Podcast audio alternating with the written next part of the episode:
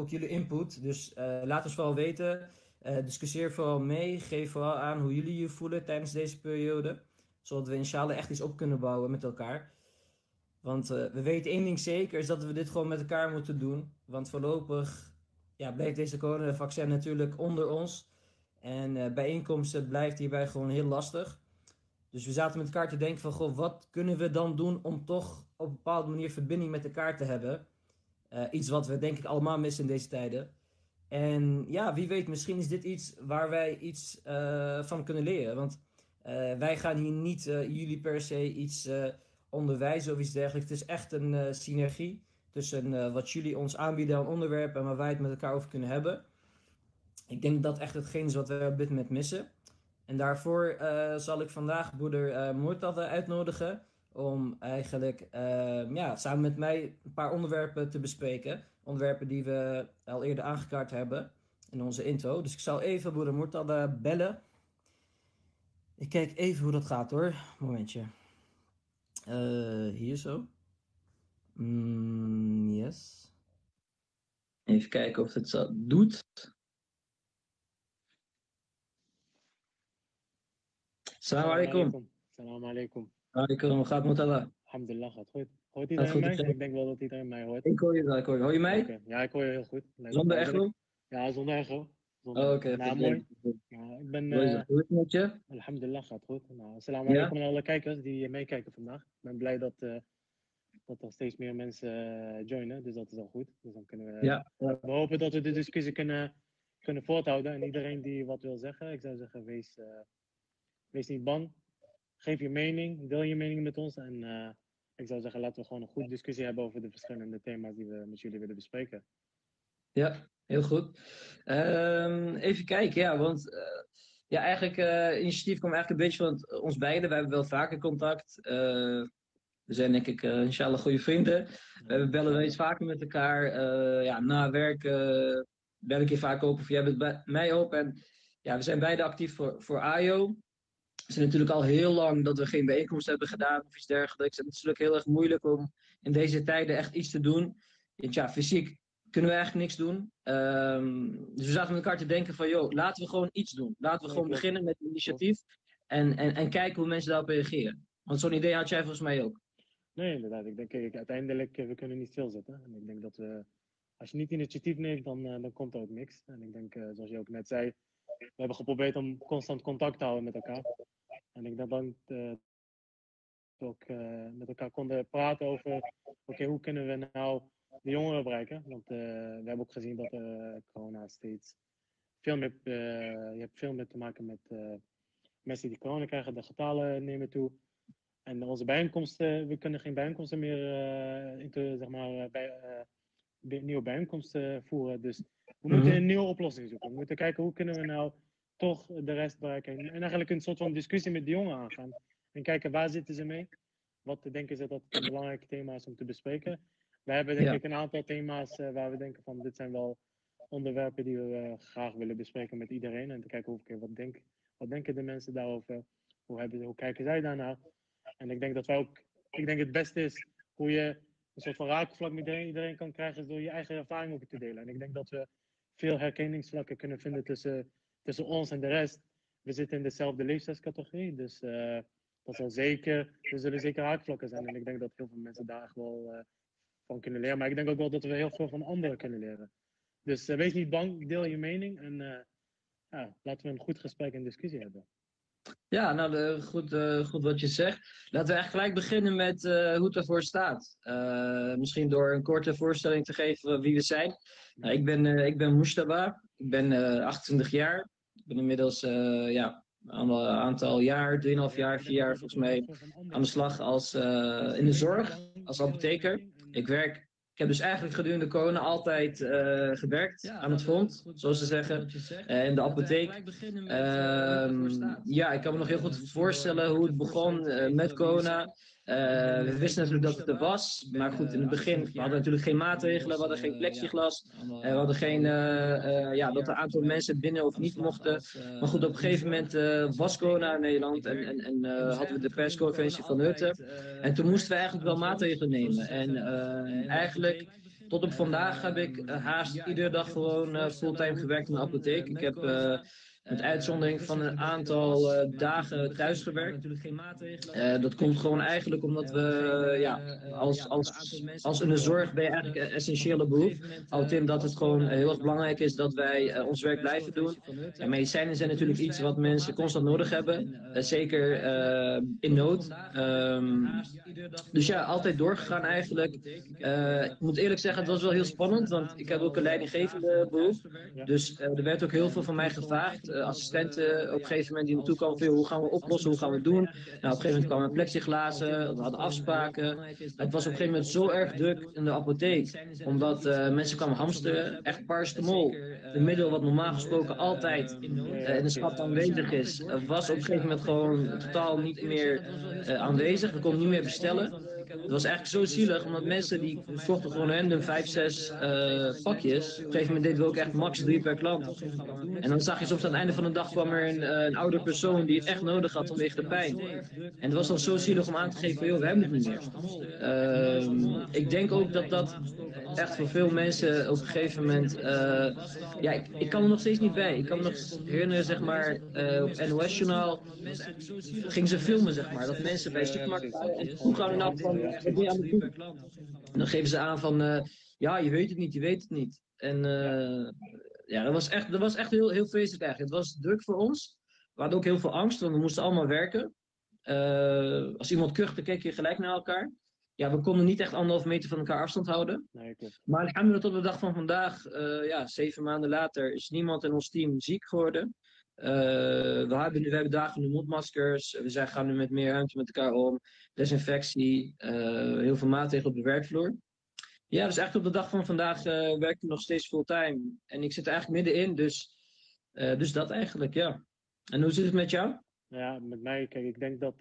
kijk, jij zit en jij werkt in de zorg. Dus ik denk dat voor jullie moesten werken. En ik denk dat heel veel andere mensen die nu meekijken, die vinden ook al. die herkennen denk ik ook hoe ik erin in, in sta. Vanaf het moment dat corona is begonnen, moesten wij eigenlijk gelijk thuiswerken. Dus ik ben ook nu eigenlijk uh, zeven maanden thuis. Wat aan de ene kant ook wel uh, lekker is. Dus je, kan, je bent gewoon redelijk thuis, dus je hebt, kan op je gemak bepaalde dingen doen. Maar ik denk dat het wel ook een impact heeft gehad op, op je werksfeer. Natuurlijk ben je gewend, je bent elke keer gewend om een bepaalde manier dat je met de trein reist, je komt op je werk. Het heeft een bepaalde routine. En wat de corona heeft nu gedaan, is dat de corona ervoor heeft gezorgd dat eigenlijk je routine soort is veranderd. En ik denk dat voor heel veel mensen dat dat wel echt een, uh, een uh, best wel een, een, probleem is geweest, dat hun levensroutine is veranderd. En ook nu veel vaker thuis zitten. Dus ze, kunnen, ze zijn minder in contact met mensen, ze hebben minder fysieke contact met mensen. Ze kunnen minder, lang, minder, minder vaak naar hun familie of whatever. En dat merkte ik, ik ook, dat ik minder in contact was met mijn collega's. En uh, kijk, ik, moet zeggen, eerlijk, in het begin was het zeker even wennen. Want het is natuurlijk, het is weer een. Je komt in een hele andere, in een hele andere sfeer.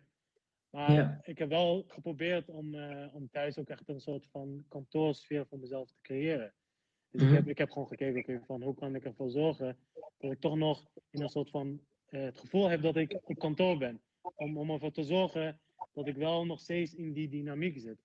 Dus ik heb ook bijvoorbeeld gedaan wat ik heb gedaan. Dus ik heb, ik heb geïnvesteerd in een, in een tafel en in een stoel. Om, uh, om echt een soort van mezelf het gevoel te geven: oké, ik ben echt aan het werk. En ik ben niet alleen thuis, maar ik heb het gevoel: okay, ja. ik ben aan het werk, ik ben in contact. Je, je belt met je collega's.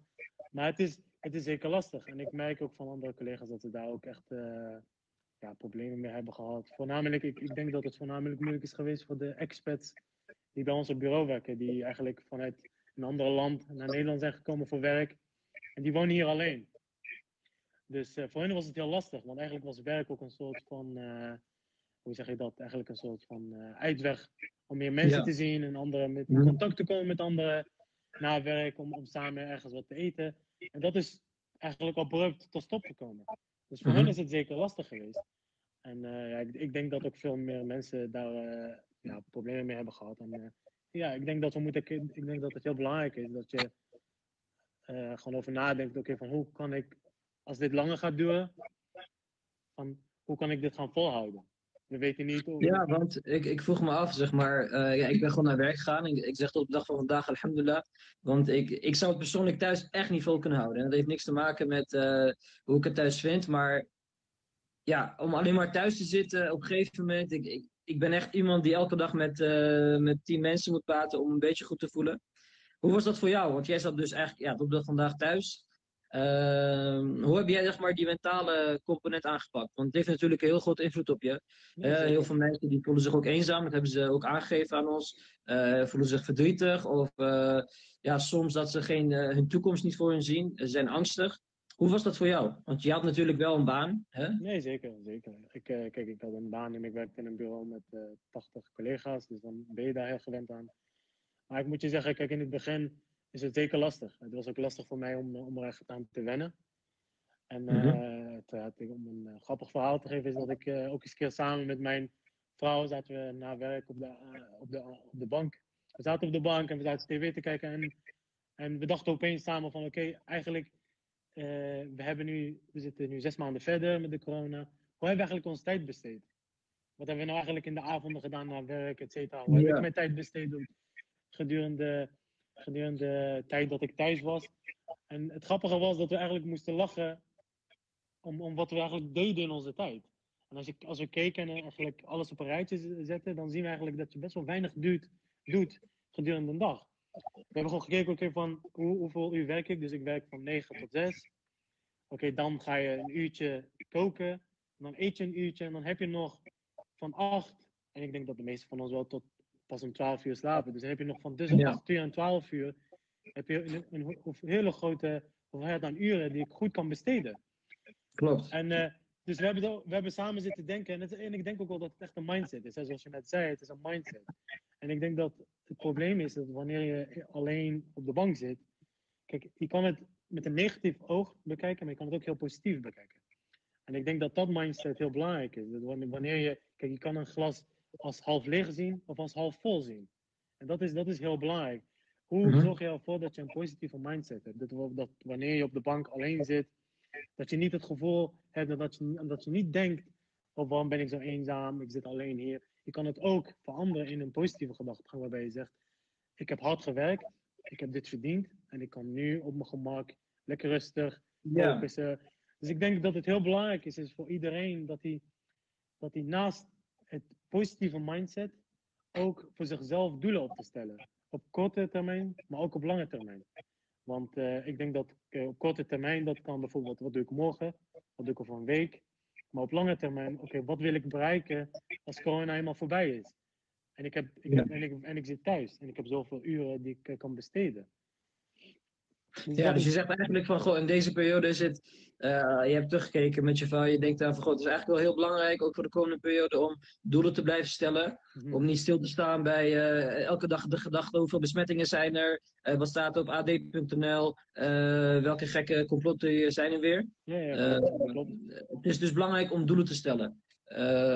dus ja, in principe ook voor mensen die studeren, ik denk dat het voor hun ook een hele grote invloed heeft gehad. Uh, mensen hebben ook vertraging of ze hebben een andere vorm van studie. Uh, ja, dat kan heel vervelend zijn. Ik, heb, ik weet dat jij ook en eigenlijk tijdens de coronatijd uh, bezig was met het afronden van je specialisatie. Mm. Ik heb daarin ook dat ik eigenlijk nog steeds bezig ben met een opleiding naast mijn werk. En dan hebben we eigenlijk ja, nu weer online lessen. Wa alaikum salam, Haji Messiah. We hebben nu weer online lessen en ik moet eerlijk zeggen, ja, dat, dat trek ik ook niet goed. Uh, ik kan me niet voorstellen hoe uh, ja, de wat jongere broeders en zusters onder ons dat hebben gedaan. Met uh, elke dag op de laptop zitten. ja, ik ben iemand, ik krijg dan snel last van mijn rug en ik verveel me dan. En ik denk dan, oh mijn god, wat spreekt die man of vrouw saai? En ik ga op een gegeven moment misschien echt op mijn mobiel zitten. Ja, ja. Dus ik vind het ook ten eerste gewoon heel erg knap van, van iedereen eigenlijk dat ze in deze tijd gewoon volgehouden hebben. Want het is echt niet makkelijk voor mijzelf, zeg maar, ja, wat ik zeg, ik heb, ik heb gewerkt. Maar uh, die eenzaamheid, die heb ik zeker ook wel gevoeld. Nou, alhamdulillah, ik, heb, uh, ja, ik, ben, ik ben ook uh, centgetrouwd zoals jij. Dus die, dat, houdt, dat maakt je wel gewoon heel gelukkig over het algemeen. En het zorgt er gewoon voor dat je een gesprekpartner hebt. Wat eigenlijk gewoon heel, heel prettig is. Je hebt eigenlijk altijd een, een vriend bij je in de buurt. Als je terugkomt van, eh, om, om, mee te praten, om je gevoelens mee te delen, dat is echt heel erg fijn. Ja. Maar over het algemeen, eh, hè, dat zo'n hele sociale gebeuren, dat mis je nog steeds. Ja, ja zeker. Persoonlijk, en het, het klinkt misschien gek, ik probeer echt iedere dag minstens twee personen te bellen, als ik Ja, terug van werk, die ik zeg maar echt al jaren niet heb gesproken. Dus soms bel ik echt iemand, die heb ik misschien echt al zes jaar niet gesproken. Ik pak gewoon mijn mobiel erbij, ik scroll gewoon, en echt zonder grap, ik bel gewoon de eerste persoon die ik zie. Ja, Of het nou eh, een Nederlander, Afghanië, Kees, wat dan ook is. Ik bel gewoon. Tuurlijk, ik, ik ken die mensen wel, maar ik heb altijd een band met die mensen. Maar het is gewoon heel grappig en het is gewoon heel leuk om mensen te bellen en mensen Ja, te spreken. En te kijken hoe het met ze gaat. Eh, oh ja, hé, hey, ja, moest erbij, ken je nog? Hoe gaat het man? Eh, grappig dat je me belt. Dat zorgt wel voor heel veel, zeg maar, joy. Voor heel veel Ja. geluk in mijn hart. Ik denk eerlijk zeggen. Ja, ik, ik denk ook wel dat, dat je vertelt het ook heel mooi. En ik denk, eh, kijk, eh, om, om een voorbeeld ook eh, te, te geven aan iedereen, is de, denk ik ook wel, kijk, we hadden tijdens de Ramadan bijvoorbeeld, hadden ook corona. En we konden niet langs familie. We zijn, Ramadan is een, is, een, is een moment waarbij je bij elkaar kwam. En we hadden Ja. te maken met corona. En ik heb iets tijdens Ramadan meegemaakt met mijn familie, waarbij ik ook toen zag wat de meerwaarde is. En dat je ook als je initi- initiatief neemt, dat je echt daadwerkelijk ook nog steeds die soort van die eenzaamheid of andere dingen kan, kan verbreken. En het mooie was dat wij, omdat we niet bij elkaar konden komen, dat we als familie hebben gezegd, we gaan eh, elke dag gaan we facetimen en we gaan samen de. Al-Iftitah lezen.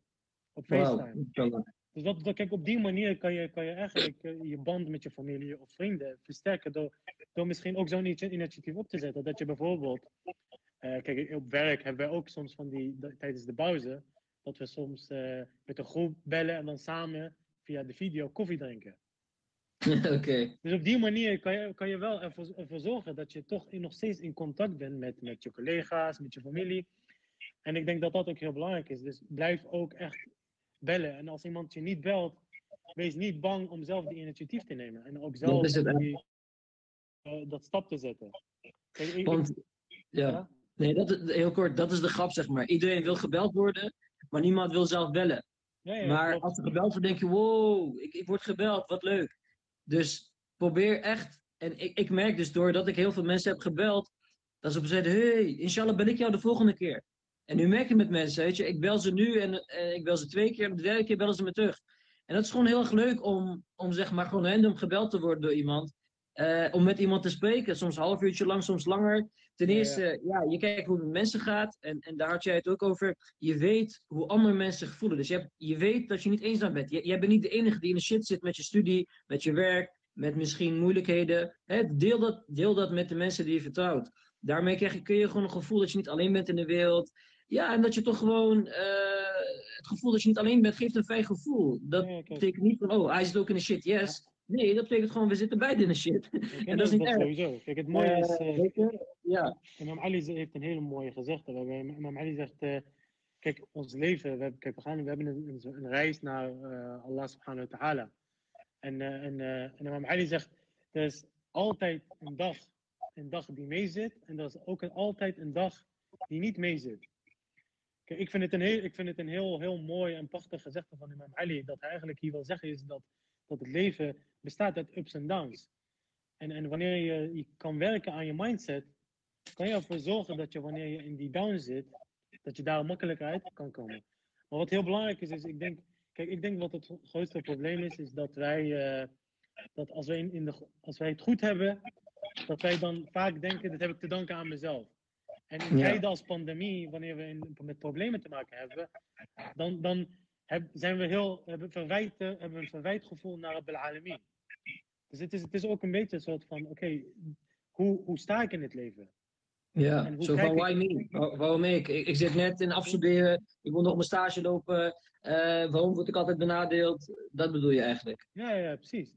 Dus die, die, die switch, hoe je, hoe je dat, eigenlijk moet je dat uitzetten. Je moet ervoor zorgen dat je jezelf constant uitdaagt, maar ook blijft positief blijft denken. En, en zo'n gezegde als die van Imam Ali is een hele mooie. Waarbij je, Ja. als, je, als je dat als, als levensmotto hebt, dat, dat er altijd een dag zal zijn die minder zal zijn. Mhm. Dat het niet altijd goed gaat en dat het een leven is die bestaat uit beproevingen en, en bijvoorbeeld zo'n coronaperiode. Ja. Ja. dan zal je veel sterker zijn, dan zal je veel beter en zal je veel makkelijker uit zo'n zal je dit periode veel makkelijker kunnen doorlopen. Heel mooi. een negatieve mindset hebt. Ja, mooi, mooi, mooi hoe je het zegt. En dan gaan we inshallah concluderen, gaan we er ook mee aan de slag van, goh, eh, wat, wat kunnen we leren van deze tijd? Om even een sprongetje te maken, Ja. eh, ik wil nog even reageren op eh Mehdi Naimi. Hij zegt, mij heb je nog niet gebeld, Mustafa. nou, ik heb, ik heb wel je broertje gebeld, Haji Messir. En ik heb eh, hem gevraagd toen of jij, jij er ook was, Ja, ja. maar je was er toen helaas niet. Dus eh, ja, ik heb je geprobeerd te bellen, man. Maar jij hebt mij ook niet gebeld. Dus eh, hoe zit dat eigenlijk? We maken even een eh, stap naar eh, de jongeren. Met jongeren bedoel ik echt eh 18 min. Dus niet Ja. 18 plus, maar 18 min. Ja. ja, kijk, vaak staan zij nog natuurlijk nog niet geheel stabiel in het leven. Eh, Ze zijn nog heel erg afhankelijk van hun omgeving, van hun school, van hun familie. En ik denk dat het voor hun eh, nog een grotere klap was. Ik heb hier een vraag van Sveza, 27. Mhm. Zij zegt, ik heb een jonge broertje van 14 jaar. Hij gaat nu sinds de corona niet meer vaak naar school. Dus hij is gedurende de hele dag thuis en vaak alleen in zijn kamer. Ik maak me als ouder dus zorgen. Nou, heel erg eh, eh, fijn dat je dat met ons deelt. En ik denk dat heel veel van ons dat herkennen. Ehm, eh, dat ze inderdaad zien dat hun jongeren, of, of soms ook ouderen, of soms ook ouders, gewoon, ja, dat ze eenzaam zijn. Of dat ze het gevoel hebben dat ze, ja, er zit geen pit meer in. Ehm, ja, dat is, een hele interessante situatie. Wat, wat zou jij daarover zeggen, Moetelle? Ja, kijk, ik, ik, denk, kijk, ik denk sowieso, ik heb voor zo'n eh, jongetje van 14 is het eh, natuurlijk lastig. Want hij, hij, komt in een, hij is het gewend dat hij naar school gaat, dat hij met zijn vrienden eh, op school is, dat hij met zijn vrienden kan voetballen of, andere dingen kan doen. En kijk, ik denk dat het heel belangrijk is voor, een grotere zus, dat je als zus proberen om, om misschien activiteiten te gaan doen met je, met je broertje. En dat je bijvoorbeeld samen met je, met je broertje aan tafel gaat zitten en dat je samen zegt, oké, laten we een doel opstellen en dat we samen dat gaan proberen voor elkaar te krijgen. Bijvoorbeeld dat je, dat je zegt van oké, laten we samen proberen om, om, eh, om, om, om, om, een, om een boek te lezen. En dan ga je bijvoorbeeld samen, of gaat zij dat voorlezen aan hem, of we gaan, we gaan samen eh, eh, een, een film kijken. Of we gaan bijvoorbeeld een, eh, een, eh, een soort van workout video op tv zetten en we gaan samen sporten. Ja, Kijk, ik, ik, denk, ik denk dat het heel belangrijk is voor iemand die als, als een grotere zus, dat je kijkt, oké, van hoe kan ik ervoor zorgen dat ik mijn kleine broertje uit zijn kamer kan halen en dat ik samen met hem activiteiten ga, ga doen. En ik denk dat zo'n zo'n jongetje, die, die, die wil heel graag, die wil heel graag in contact komen met, eh, met, eh, met anderen, et cetera, met, zijn- met zijn leeftijdsgenoten. Dus ik denk, ik denk dat dat wel belangrijk is, dat ze misschien kan kijken, oké, van hoe kan ik eh, eh, activiteiten gaan doen met hem. En er zijn verschillende manieren voor. ja. Ik, zoals je zegt, ja, kijk wat je zegt. ehm, ik kan me ook heel goed voorstellen dat zo iemand zich verveelt. Die gaat dan misschien zitten gamen, Fortnite. Die gaat misschien alleen maar TikTok zitten kijken. Of op Instagram, of op YouTube, of op Twitch, of wat dan ook. Ehm, dat is prima. Kijk, ik zou altijd zeggen, iemand hè, mag best even gamen of zo. Of best even op zijn kamer. Maar het moet niet de normale gang van zaken zijn. Ehm, en een jong iemand, ja, die is vaak afhankelijk van zijn omgeving. Dus zeker, en ik kan me heel goed voorstellen dat het voor jou als zus lastig is. Dat hij denkt, ga weg, kom niet in mijn kamer, laat me met rust. Maar juist dan doorgaan. Juist dan zeggen, nee Ali, kom mee, we gaan nu hardlopen buiten. Kom mee Ali, we gaan even naar de supermarkt. Eh, kom mee Ali, kom we gaan even naar het winkelcentrum. Kom we gaan even een bootje varen. Kom we gaan even de natuur in. Geloof mij. En ehm, ja, als iemand die in de zorg werkt, het bewegen is het eerste wat de huisarts of wat de specialist aan mensen die depressief zegt tegen hen. Hij zegt voordat we gaan starten met medicatie, ga bewegen. Ga op fitness. Want het bewegen zorgt ervoor dat er een stofje vrijkomt in onze hersenen, meerdoorstofjes. Die... Maar de andere kant, ehm, ja, ervoor zorgen inderdaad dat we ons goed voelen. Dat we ons productief voelen. We hebben weer zin in het leven. Ehm, dus ga vooral bewegen. Iedere dag, al is het 10 minuten, even rennen. Even 10 minuten rennen. Je wordt er gezond van, maar het zorgt er ook voor dat je gewoon zin krijgt om dingen te doen. Subhanallah, het is gewoon zo dat Allah subhanahu wa ta'ala ons lichaam zo heeft gemaakt, dat wanneer we gaan bewegen, en zeker actief bewegen, dat we dan vanzelf uit die sleur komen. Dus mijn advies, en ik moet, dat, moet die advies ook zelf oppakken, want ik en uh, Mortada proberen al heel lang te gaan hardlopen, maar, maar op een of andere manier lukt dat niet. Dat zijn allemaal smoesjes, dat weten wij ook. En uh, de laatste keer was het mijn schuld. Maar inshallah, hè, we hebben een intentie en daar gaat het om. De, de belangrijkste intentie. Maar probeer echt drie keer per week gewoon even met hem buiten te lopen. Het is goed voor jezelf, het is goed voor je broertje.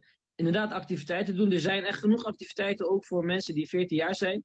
Uh, sporten mag nog. Wacht even. Ze zegt, ehm, vaker thuis is vaker alleen achter de telefoon. Telefoon verbieden gaat niet, praten is al gedaan. Nee, maar kijk, verbieden is denk ik nooit een goede optie. Je moet gewoon regels maken. Kijk, je mag best zeggen, joh, iedere dag maximaal één uur achter je tablet. Hè, of één uur achter je telefoon. Maar als je gelijk begint met, joh, we gaan dit verbieden. Dat gaat vaak niet helpen. En het is ook belangrijk om je te verdiepen. Oké, waar kijk je eigenlijk naar? Hè? Misschien kun je een keer iets samen kijken. Dan maak je al een band met je broertje. Hè? Want misschien kijkt hij wel een, uh, een, serie of zo. Misschien ga je even naast me zitten. Van, wat kijk je eigenlijk, Ali? Zullen we samen kijken? Huh? Hoe bedoel je? Weet je, opeens wordt hij heel erg geïnteresseerd in jou. Dus probeer altijd eerst die band op te bouwen met iemand. Ga met hem een keer een spelletje doen. Hè? En dan met hem naar buiten. Je moet niet één keer zeggen: stop televisie, stop de telefoon. Jij bent dit, jij bent dat. Niet dat je dat zegt hoor. Maar als men dat zou doen, zou het natuurlijk geen zin hebben. Uh, die volgende mag jij. Mooi dat u uw zorgje met ons deelt. Ik stel voor dat u als ouder zus hem aan het denken zet ermee. Heb, heb met hem over en ga samen op zoek naar oplossingen. Nou, om even verder te gaan. Ja, waar ik moet staan. Uh, zuster uh, mevrouw Bognova, Bognova, bekende onder ons denk ik, actief mhm. lid van AJO ook. Uh, ze geeft aan uh, ontslagen door corona. Ja. Uh, volgens mij werkte ze ook in de zorg, weet ik niet zeker. Ontslagen door corona, maar alhamdulillah daardoor een kans gekregen om een persoon te ontwikkelen. Heel mooi. Nou, ten eerste, uh, voordat ik jou het woord geef, ben ik heel erg benieuwd hoe, hoe dat gegaan is. En, en, en, en wat, wat zijn de dingen die jou hebben geholpen om jezelf persoonlijk te ontwikkelen. Maar volgens mij had jij het daar ook over moeten hebben, hè? dat je juist deze periode kan gebruiken om jezelf te ontwikkelen.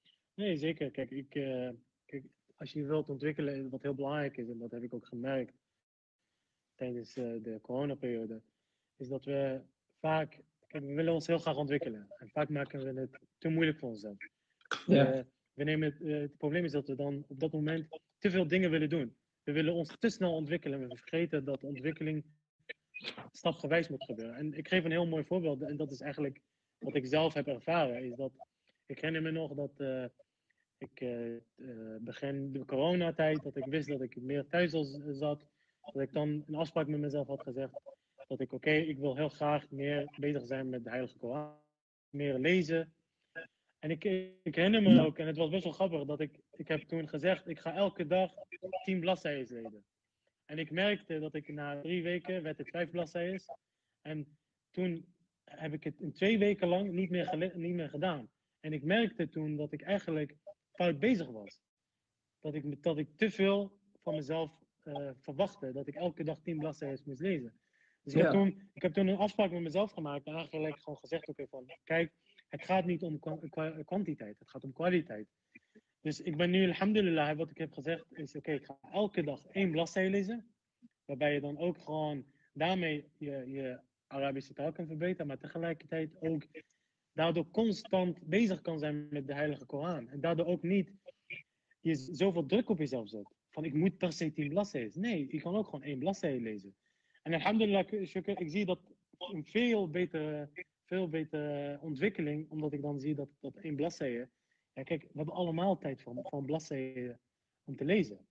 Ja. Dus, dus kijk daarna en maak het ook niet te moeilijk voor jezelf. En begin klein. Als je klein begint, dan, dan, dan zie je dat je op den duur een soort van gewenning wordt in je leven. En ik merk dat nu ook, dat als ik eens een een dagje het mis, dat ik dan aan mezelf denk, oh, ik ben, ik ben, ik ben vergeten om, uh, om dat te doen. Dus het gaat om, om, zoals we het ook net over hadden, het is een mindset. En hoe, hoe zorg je ervoor dat je, dat je die motivatie, die motivatie kan je bereiken door ja. stapgewijs te beginnen. Maak het niet te moeilijk voor jezelf. En begin heel klein en bouw het zo op. En als je eenmaal dat, die, die, die route op beloopt, dan zie je dat je op den duur wel die 10 bladzijden per dag kan doen. En ik denk dat ja, dat is een, dat is een ervaring die ik heb meegemaakt. Ik ben ook wel benieuwd of jij iets, uh, iets hebt meegemaakt. Uh, ja, zeker. Uh, ja, om nog ook heel kort terug te komen, je zegt dat het niet zelf, maar de man was. Dat kan ook natuurlijk. daar gaan we zo meteen op in. Ja, persoonlijk wat ik heb meegemaakt, dat, is wel, dat is wel een goede vraag eigenlijk. Want kijk, weet je, voor mij is het natuurlijk is aan de ene kant ook weinig veranderd. Omdat ik, uh, ik ben gewoon door gaan werken. Dus het is niet zo dat ik gedwongen was om op een andere manier te gaan leven. Ehm, heel veel dingen zijn voor mij hetzelfde gebleven. Los van dat ik bijvoorbeeld uh, vegetariër en als we daarbij kon kijken. Uh, wat, wat met name de grootste invloed heeft gehad. Maar ja, echt heel specifiek corona is lastig om te benoemen. Voor mij wel, uh, ja, op een gegeven moment, wat ik bij mezelf merkte, en wat ook op werk, is je kijkt iedere dag op ad.nl. Je kijkt om de seconde wie wat er vandaag weer gebeurt. Wie heeft vandaag corona? Uh, op een gegeven moment, moet ik eerlijk zeggen, ik werd daar wel gek van. Ik, ook, ik wist dat ik verkeerd bezig was. Maar het is zo verleidelijk om toch weer, hè, dan zoek je weer dingen op over Trump, over Amerika, over gekke dingen, weet ik veel wat. Eh, op een gegeven moment word je daar wel gek van. Dus ik heb wel op een gegeven moment tegen mezelf gezegd, oké, ik ga gewoon maximaal één of twee keer per dag op ad.nl kijken of op uh, nu.nl of wat ook. Dat was voor mij met name op een gegeven moment echt uh, irritant. Dat ik, maar ja, het is ook een probleem. Kijk, ik had op een gegeven moment zelf als regel gemaakt, uh, als leidinggevende op werk. Iedereen heeft alleen maar over. Ik op jongens, dan ga ik expres vragen stellen van, hé, hey, uh, Karen, hoe gaat het eigenlijk met jou thuis? loop je nog wel eens met je hond? Of, hé, hey, ja, Lia, van, hoe gaat het met je, met je boerderij? Ik weet dat je ook nog fruit verzamelde daar. Ik noem maar iets. Ook andere onderwerpen aansnijden voor mij de grootste uitdaging was dus eigenlijk om in contact te blijven met mensen. Omdat ik echt een sociaal dier ben. Uh, en ik denk dat dat wel aardig gelukt is. Omdat, ja, wat ik zeg, ik bel echt dagelijks twee mensen op die ik lange tijd niet heb gesproken. Dus uh, dat was voor mij de grootste uitdaging. Om in contact te blijven met mensen. Alhamdulillah. Nee, maar ik vind, ik vind het wel heel mooi hoe zij dat ook uh, vertelt. Dat ze juist het heel positief heeft gebruikt. Ze, ja. ze, ze, is niet uh, stilgezeten, ze, is niet uh, blij, ze heeft niet stilgezeten. Ze is gaan kijken okay, van hoe kan ik mezelf ontwikkelen. En dat, en dat is denk ik waar we het ook over hebben, over hebben die mindset. Ze heeft, ze heeft het positief opgepakt. Ja. Ze heeft gekeken, okay, van ik ben ontslagen. Kijk, laten we eerlijk zijn, ontslag, ontslagen worden is niet iets fijns. Want dat heeft wel een impact. Nee. Want je bent bang van oké, vind ik nog een andere baan, et cetera. Maar ik vind het wel mooi om te zien dat, en ik denk dat dit ook een heel mooi voorbeeld is, waarbij je kan, kan zien, is dat, dat als je positief bekijkt. En misschien ook nieuwe doelen voor jezelf opstelt. Ja. En, ik, en ik denk ook bijvoorbeeld, zoals wat jij net vertelt, dat is ook een heel mooi doel. Dat je zegt, ik, ik ga proberen elke keer en elke dag twee mensen te bellen. Ja, dat, dat kan een doel zijn voor jou. Dat kan een doel zijn omdat je veel meer sociale contact wil hebben met mensen. Ja, ja. Nou, heel goed. Wat ik zeg, ja, we wensen natuurlijk allemaal iedereen die in deze tijd uh, of ontslagen is of uh, in een moeilijke tijd zit, natuurlijk heel veel succes. En we doen natuurlijk aan voor iedereen. Ja. Um, ik kan me ook heel goed voorstellen dat het gewoon impact heeft. En kan misschien ook tot frictie thuis leiden, van joh, uh, financieel gezien of wat dan ook. Het kan je op een gegeven moment een soort van hardeloos maken. Maar ik denk dat het belangrijk is om innovatief te blijven, zeker waar het kan, afhankelijk van welke werkplek je zit. Je moet ook denken, oké, okay, ik zie bijvoorbeeld heel veel initiatieven bij mensen die op dit moment uit de horeca gaan, die gaan juist in de zorg werken. Uh, dus ja, ik denk dat iedereen wel, uh, als je werkt, kan je ook laten omscholen tot andere banen. Dus ja, blijf ook vooral positief en, en denk ook van wat is mogelijk. Uh, ga met mensen in gesprek die, die ja, daarin geleerd zijn. Kijk op LinkedIn naar zaken. Maar ja, we wensen natuurlijk iedereen succes. We gaan even verder kijken of er nog vragen zijn, anders gaan we verder met het volgende onderwerp. zuster Nasseri geeft aan veel tijd voor zelfreflectie. Mm -hmm. Um, what's happening to the world? Veel nadenken over de fudge van met die Angela Fudge Sharif. Dat is wel een goede van what's happening in the world. Want de wereld gaat natuurlijk door. De, de, de kampen in uh, China uh, met Oeigoeren zijn nog bezig. Uh, heel veel zaken, Palestina, Israël, Irak, Iran, Bahrein, al die zaken gaan gewoon door. Afghanistan, Pakistan, allemaal zaken die daar nog gebeuren. Amerika, Europa, financiële crisis. Alles alles gaat eigenlijk gewoon door. Dus we moeten onszelf ook niet gek maken dat er alleen maar corona bestaat. Ik bedoel, er zijn nog steeds andere ziektes. En dat is wat ik nog steeds vreselijk vind, dat hierdoor heel veel mensen niet meer behandeld kunnen worden in het ziekenhuis. Dus we moeten proberen ook, ik zeg altijd, wees diegene die in die coronagekte ook een beetje normaal doet. Uh, in plaats van alleen maar op corona af te geven. Probeer juist, zoals zuster aangeeft, ook een beetje hè, die helikopterview van wat gebeurt er nog steeds in de wereld. Hè? Mm -hmm. Uh, we zijn nog steeds gelovigen. We geloven nog steeds in Allah subhanahu wa ta'ala. We hebben nog steeds de Koran, de Ahlul Bayt. Je hebt nog steeds lezingen, je hebt nog steeds kennis. Niets vergeten. Dus als je zo voelt, bel juist mensen op om ze juist te inspireren en te motiveren om door te gaan. En niet alleen uh, jezelf in een cocon bezig te houden. ik kan me nog, uh, ja, ik weet, misschien heb je het ook gezien de afgelopen aflevering van uh, Zondag met Lubach. was eigenlijk wel interessant wat hij zegt over dat de algoritmes van de social media en YouTube juist ons ervoor zorgen dat we constant in een bepaalde tunnel blijven door de zoektermen. ik vind dat wel een belangrijk iets en ik merk het ook wel in onze gemeenschap dat er heel veel complottheorie aan de gang is. En, en daar gaan we het nu niet per se over hebben hoor, maar gewoon het feit dat het heel belangrijk is om met verschillende soorten mensen in gesprek te blijven.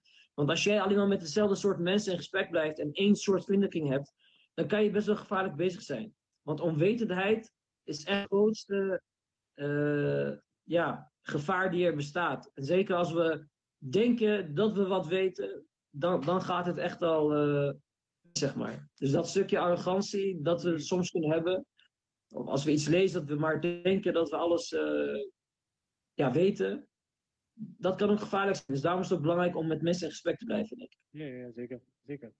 Nee, kijk, uh, zoals de zuster zegt, ja, what, what happens to the world. Ja, kijk, dat is nou eenmaal, kijk, Allah subhanahu wa ta'ala heeft ons gecreëerd om, om, om niet een leven te leiden zonder, zonder problemen. We zijn, we zijn, het, is een, het is een reis die wij begaan met, vele, met alleen maar beproeving. En dit is een beproeving, wat er in de wereld gaande is. Maar ik denk dat dat heel belangrijk is, dat jij als moslim, dat je, dat je opkomt voor, uh, voor rechtvaardigheid. En dat is jouw rol.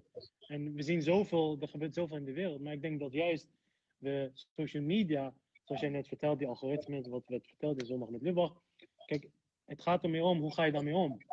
En wat voor rol heeft social media in jouw leven? Kijk, als, je, als, als social media een, een heel belangrijk element is in jouw leven en je bent constant daarmee bezig, dan zal je op den duur ook in een tunnelvisie komen. En dat is, het, dat is ook het doel van die social media uh, programma's. Is dat ze, wat ze eigenlijk doen, is ze willen ervoor zorgen dat je urenlang op hun programma's blijft. En dat je urenlang op YouTube of op Instagram of op Snapchat blijft. Dus het is heel belangrijk om bewust te zijn van die programma's. En dat je bewust bent van hoe gebruik ik ze. En hoe kan ik ze op de juiste manier gebruiken. En hoe kan ik ze gebruiken als een platform om, om ook mijn mening te delen en ook om op te komen voor rechtvaardigheid wat ik zie, wat door onrechtvaardigheid wat gebeurt in de wereld. Dus gebruik, kijk, er zijn, elk tool, elk programma kan je op de juiste manier gebruiken. En daar gaat het om. En, en kijk, het belangrijkste is dat, dat dingen die wij doen, moeten niet leiden tot verslaving. En wanneer het een verslaving wordt, dat je verslaafd wordt aan een programma, dan zit je mhm. fout. En dan zie je al, dan, kom je te, dan krijg je te maken met zulke tunnelvisie uh, uh, ideeën. Ja, ja, nee, goed wat je zegt. Dat is inderdaad echt iets waar we inshallah voor waken. Maar uh, doordat we met elkaar gesprek blijven, hopen we dat inderdaad te voorkomen. Nog iets belangrijker wat uh, Mrs. Boegna van zegt. Als er iets minder goed gaat, komt er inshallah iets anders beters voorbij. Heel kort om daarop in te haken. Ik heb dat ook echt zoiets meegemaakt. Met werk bijvoorbeeld. Soms ja, ga je inderdaad ergens anders heen. Of soms denk je, waarom gebeurt het naar mij? En dan merk je gewoon letterlijk over twee, drie jaar van wow, als ik dat niet had meegemaakt, zou ik dit nu nooit hebben. Dus die gedachte, en dat is ook een belangrijke gedachte in de, in de islam, het tawakkul hebben op Allah subhanahu wa ta'ala. Dus dat houdt in dat je uh, uh, gelooft dat als je positief denkt over iets, de, uh, dat dat uiteindelijk je ook zal beïnvloeden. Dat het Allah subhanahu wa ta'ala je ook het positieve zal geven. En een van de eigenschappen van een gelovige is dat hij ook altijd positief is. Ja. ook al denkt hij soms heel erg negatief, niet delen met mensen. Deel, Deel niet jouw negativiteit met mensen. Betekent niet dat je niet je gevoelens moet delen, maar zorg er niet voor dat jouw negativiteit andere mensen beïnvloedt. Dat bedoel ik daarmee. Um, um, we gaan even verder van mijn tijd met de volgende vraag. Uh, hoe gaan jullie om met um, spirituele ups en downs? Dat is een hele goede. Nou, het is geweldig als we in die ups zitten. En dat hadden we denk ik allemaal als bijvoorbeeld uh, wel eens de bijeenkomsten bezochten, of mensen zagen, of samen gingen bidden, of, uh, hè, die donderdagavond dat je denkt van zo, ik ga nu even door Alkom lezen. Geweldig is dat. Of dat je naar je gebed je aanpakt. Maar goed, die downs, ja, die downs die, die zijn heel lastig. En, en dat gebeurt bij ons allemaal. Het gebeurt bij ons, dat gebeurt bij jou. Um, dus ja, kijk, ik denk dat je moet weten ten eerste en moet erkennen dat, dat het gebeurt. En dat het bij iedereen gebeurt. Maar ik denk dat je jezelf ervoor moet waken dat je dan niet eh, de verplichtingen van je geloof nakomt. En daarmee bedoel ik heel concreet, Dat je bijvoorbeeld denkt van, goh, weet je, ik ga vandaag gebed wel skippen, ik voel me niet goed. Dat is denk ik heel gevaarlijk. Nogmaals, downs, heel normaal. Ik bedoel, Allah subhanahu wa ta'ala geeft het ook vaak in de Koran aan. Uh, profeet gaf dat aan. Het is dus normaal om downs te hebben. Maar doe dan tenminste wel de verplichting. En volgens mij was ook een hadith, hè, dat, een verhaal van dat iemand aan de imam vroeg van, goh, wat doe ik dan met die downs? De imam zegt dan, probeer dan in ieder geval uh, de basis te doen. En met het gebed hoef je dan niet bij de qunut een heel lang uitgebreid dua te doen. Of na ieder uh, Allahumma salli ala Muhammad wa Muhammad. Probeer in ieder geval zeg maar de basis te doen. Hè? Probeer de normale verplichtingen te doen van het gebed. Um, je hoeft niet een uitgebreide... Als je je misschien even niet goed voelt, probeer dan gewoon de basis te doen. Probeer gewoon om te bidden. Probeer op tijd te bidden. Uh, als je daaraan houdt, dan zal je altijd ervoor zorgen dat je nog in de trein blijft. Dat je nog in de trein blijft, op het juiste spoor blijft van geloof. Maar wat je echt goed moet waken, is dat je dus die verplichtingen niet meer nakomt. En die verplichtingen zijn echt niet veel. Dat is vijf keer per dag bidden en we ons houden aan de regels van Allah subhanahu wa ta'ala over het, het, niet doen van het slechte, het niet gaan wat, uh, wat niet aanbevolen wordt of verboden is, het niet luisteren naar dingen wat verboden is. Uh, hè? Uiteindelijk allemaal ten wille van ons. Dus mijn tip is, probeer, uh, misschien kan je daarop ingaan, zij zich geeft aan, maar als je de verplichtingen doet, er zit geen gevoel achter. Kan je daarop ingaan? Ja, kijk, kijk ik, denk, ik denk allereerst wat, uh, wat heel belangrijk is, is kijk, we moeten begrijpen dat de manier, kijk, ik denk ook al in de vorige lezing van mij, uh, ik, ik, ik, ik, denk dat een aantal van onze, uh, de mensen die ons volgen, die hebben hem gezien. En ik denk dat ik daar ook ja. een voorbeeld had gegeven over waarom, als ik, ik doe toch de verplichtingen, maar ik, er is geen enkele spiritualiteit, er is geen gevoel erbij. En ik denk dat dat, dat de grote, grote reden waarom wij niet die, die spiritualiteit kunnen bereiken en waarom wij ups en downs hebben, is dat het probleem is, is dat, dat, dat je, dat, uh, hoe zou ik het zeggen, kijk eigenlijk, je, je moet allereerst kijken wat voor relatie heb ik met Allah subhanahu wa ta'ala. Dat is het allereerste. Is mijn relatie met Allah subhanahu wa ta'ala van een, relatie van een hebzuchtige? Is, is dat een relatie waarbij ik op zoek ben naar een beloning? En ik, dua doe of ik bid omdat het moet van Allah en of ik bid omdat ik in een probleem zit en ik, en ik wil dat Allah subhanahu wa ta'ala mij helpt. Kijk, ik denk dat het heel belangrijk is dat je allereerst jezelf afvraagt. Waarom bid ik? En wat is de reden dat ik bid? En wat heel belangrijk is, kijk, ik denk dat het probleem is dat voor veel mensen dua is een soort van uh, wensenlijstje geworden, waarbij, wij, waarbij ik bepaal van oké, okay, uh, oh Allah, dit, dit, ik wil dit, ik wil dit, ik wil dit en ik wil dit. En ik wil dat ik het morgen krijg. En als ik het niet morgen krijg, dan, uh, dan geef ik een review uh, van een 1 ster. Mm. Dat is wel de mindset hoe wij soms de, ons dua verrichten.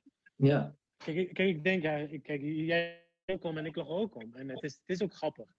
Maar ik denk dat we beide, en ik denk dat velen van ons ook wel begrijpen dat, dat, het, dat, dat de mensen die zo denken, de essentie van dua niet begrijpen. Of de essentie van gebed niet begrijpen. Kijk, een heel mooi voorbeeld denk ik ook, dat als je in gebed bent, wat, wat dan gebeurt is, als je in de record zit, dan denk je aan, dan denk je aan de telefoontje die je, die je moet nog doen. Zit je in sujoed, ja. dan denk je aan, aan, aan, je, aan je afspraak met een vriend. Ha? Ben je klaar met je salah, dan weet je niet wat je hebt gebeden.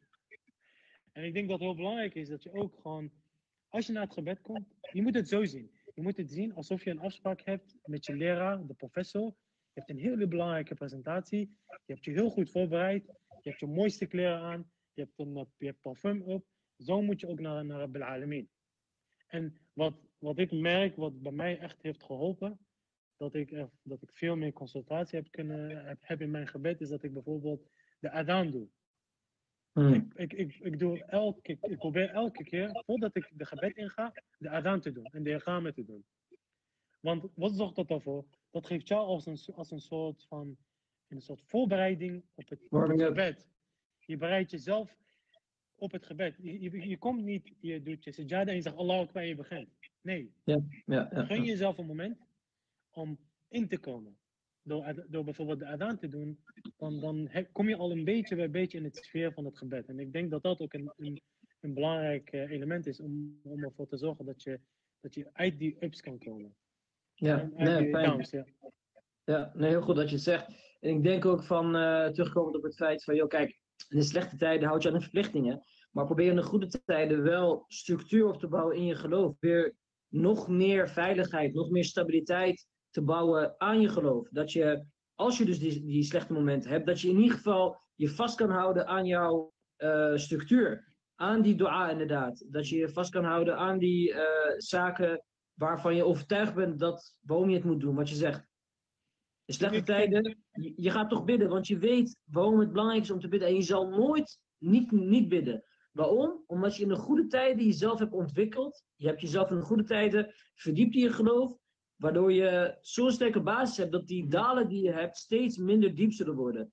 Um, en belangrijk wat uh, verder ook zegt van als je zoveel zondes hebt begaan waardoor een vijl op je hart is gekomen. Ja. Uh, laten we dan de Koran kijken. Allah subhanahu wa zegt, laat toch naartoe min rahmatillah. Allah subhanahu wa zegt, wees nooit wanhopig over de barmhartigheid die Allah subhanahu wa ta'ala je kan geven. De grootste zonde in de islam, uh, na kufur, de grootste zonde in de islam, is dat je twijfelt aan het krijgen van de barmhartigheid van Allah subhanahu wa ta'ala. Allah subhanahu wa ta'ala heeft spreekt daar enorm veel over. Allah subhanahu wa ta'ala zegt, ik ben dichter bij jullie dan de slagaarde. Allah subhanahu wa ta'ala zegt uh, tegen de profeet, uh, wanneer hij met een, uh, met een persoon in de grot was, zegt hij tegen de persoon in de grot van wees niet bang. Allah subhanahu wa ta'ala is met jullie. Nee, maar ook ibadi anni dat is ja. Als je, als je Rabb al-Alamin herinnert, hij zal je altijd herinneren. En ik denk, je zegt het ook heel mooi, je moet, je moet geen hoop verliezen. Dat is heel belangrijk. Kijk, ja. en, en ik denk dat we ook moeten begrijpen dat, dat kijk, uh, je hebt misschien in je leven zondes begaan, maar dat wil niet zeggen dat Allah subhanahu wa ta'ala je nooit zal vergeven. Ja. Allah subhanahu wa ta'ala zal je zeker een pure intentie terugkomt naar Rabbil Alamin. En eigenlijk mm. ook de Rabbil Alamin. Kijk, wat heel belangrijk is, is dat wanneer je alleen bent in de avond en je doet een gebed, dat je ook tussen jou en God je zondes bekend. Dat je ook gewoon met Allah subhanahu wa ta'ala in gesprek bent. Dat je tegen Allah subhanahu wa ta'ala zegt van dit zijn de zondes die ik heb begaan. En ik berouw. En ik heb, ik heb, ik heb, ik heb vanuit pure intenties kom ik terug naar jou. En ik wil dat je me vergeeft. En ik denk wanneer je wanneer je, je zondes erkent, niet bij mensen, maar gewoon tussen jou en God. Erken het bij Allah subhanahu wa ta'ala en bespreek het met Allah subhanahu wa ta'ala. En op die manier kan je ervoor zorgen dat je juist dat je die dat je die, de juiste pad op, op kan belopen. En, en laten we eerlijk zijn, we zijn niet perfect. En we hebben, we, we, hebben, we, we hebben allemaal te maken met beproevingen. Maar de, zoals jij ook zei, verlies nooit hoop. En heb altijd hoop in Allah subhanahu wa ta'ala. En hij zal altijd uh, iets ja. anders geven. Ik zie dat er een uh, oude studiogenoot. Uh, salam alaikum, Sinan. Ah, leuk. Salam alaikum. Hij zwaait. Hij zwaait toch? Ja. Uh, bedankt voor je toevoeging, Mortava. Uh, de laatste waar we op gaan negeren, dan gaan we verder. Ja. Um, ik reciteer elke dag Ziyad Ashura. Uh, het gebed verricht ik elke dag op tijd, maar toch zit geen gevoel lang tijd. Elke dag op tijd, maar toch zit geen gevoel lang tijd. Kijk, dat gevoel, soms is het dat niet. Dat kan ik ook niet verklaren, ik heb dat soms ook niet. Dus -hmm. niet te perfectionistisch zijn. Soms hebben we het niet. Doe je verrichting en ga verder. Niet te lang over nadenken. Maar maar, kijk, je kan elke dag Zet Ashur lezen, maar weet wel wat het betekent. Misschien handig, hé. Laat ik even op elislam.org checken, oké, okay, Zet Ashur, wat is dat eigenlijk? Dus je gevoel kan je opbouwen als je weet wat je zegt. Gevoel kan je opbouwen als je het verhaal van een Hussein al kent. Geloof mij, als je Zet Ashur gaat lezen, ga je huilen als een kind. Omdat je weet wat het betekent. Dus kijk, kijk wel uit dat die dingen die je dagelijks doet geen standaard rituelen worden. Alleen maar doen omdat het doen. Als je het doet voor gevoel, prima. En ik zeg niet dat je het moet stoppen omdat je er geen gevoel bij hebt. Maar kijk gewoon uit dat je niet op een gegeven moment rustig wordt in jouw zaken die je doet. Probeer dat. Hè, als je merkt dat het rustig wordt, ga je weer verdiepen. Ga je weer verdiepen in. Um, um, of, hè, of, of uh, praat er met iemand over. met iemand over. Misschien met een goede vriend, met een goede vriendin. Goede vriendin. Wel met haar, joh. Wel met haar, joh. Heb je dat geloof mij? Geloof mij. Allah subhanahu wa ta'ala heeft die connecties. Allah subhanahu wa ta'ala zegt in de mu'minuna ikhwa de uh, gelovigen, uh, zusters en broeders, zijn zusters en broeders van elkaar. En die zuster- en broederschap, dat geeft je echt licht. Voor de voor het laatst toen jij, hè, je bent begonnen met de lezing die je hebt opgenomen. Ik, ik, zeg je eerlijk, het heeft me gewoon ervoor gezorgd dat ik ook meer gemotiveerd ben in mijn geloof. Ik heb gezien, wow, Mortada is, is, is zo mooi bezig. Ik luister naar je lezing, het geeft me weer energie. Ik voel gewoon de liefde als ik naar je kijk. En dat is gewoon iets moois. Ehm, dus probeer dat inshallah op te pakken. Eh, dan gaan we inshallah verder met eh, nog een opmerking die iemand heeft gemaakt ehm, over uh, Nabi Allah Yusuf, uh. En dan moet ik even, hij zegt, profeet Yusuf was ook lange tijd gevangen gehouden. volledige beperking van familie en buitenleven. Hij bleef mentaal sterk, zonder verlies van perspectief en leven. Volgens mij is dat van onze broeder Haji Moody, als ik dat niet verkeerd heb. Kijk even wat hij zonden begaan kan in jaren. Vergiffenis kan in één moment van berouw. Dat is de barmhartigheid van Allah subhanahu wa ta'ala. Ondergetekend onze broeder Hajimoudi, die we inshallah binnenkort ook zullen uitnodigen ja. bij deze sessie. Dus uh, Hajimoudi, prepare yourself. Uh, je komt eraan. Nu ik weet dat je Instagram hebt, ga ik je uitnodigen. Dus uh, inshallah zal ik binnenkort ook met jou bellen om dit te bespreken. Want het lijkt me geweldig om weer met jou dit soort religieuze discussies te hebben. Heerlijk. Even kijken of iemand nog. Dus kijk, prachtig. Zonde begaan kan in jaren, maar vergiffenis kan in één moment van berouw. Kijk hoe ons geloof is. Kijk hoe prachtig ons geloof is. Allah subhanahu wa ta'ala, het geloof van de islam, staat alleen maar in teken van het berouw. Hè? wat hij zegt. Allah subhanahu wa ta'ala zegt. Kijk, ik ga heel kort iets uitleggen waar, waar, waar ik een keer uh, mezelf in heb verdiept. Kijk, stel in Nederland, hè, je begaat een overtreding. Hè, je krijgt een strafblad, je kan in de gevangenis komen. Mhm.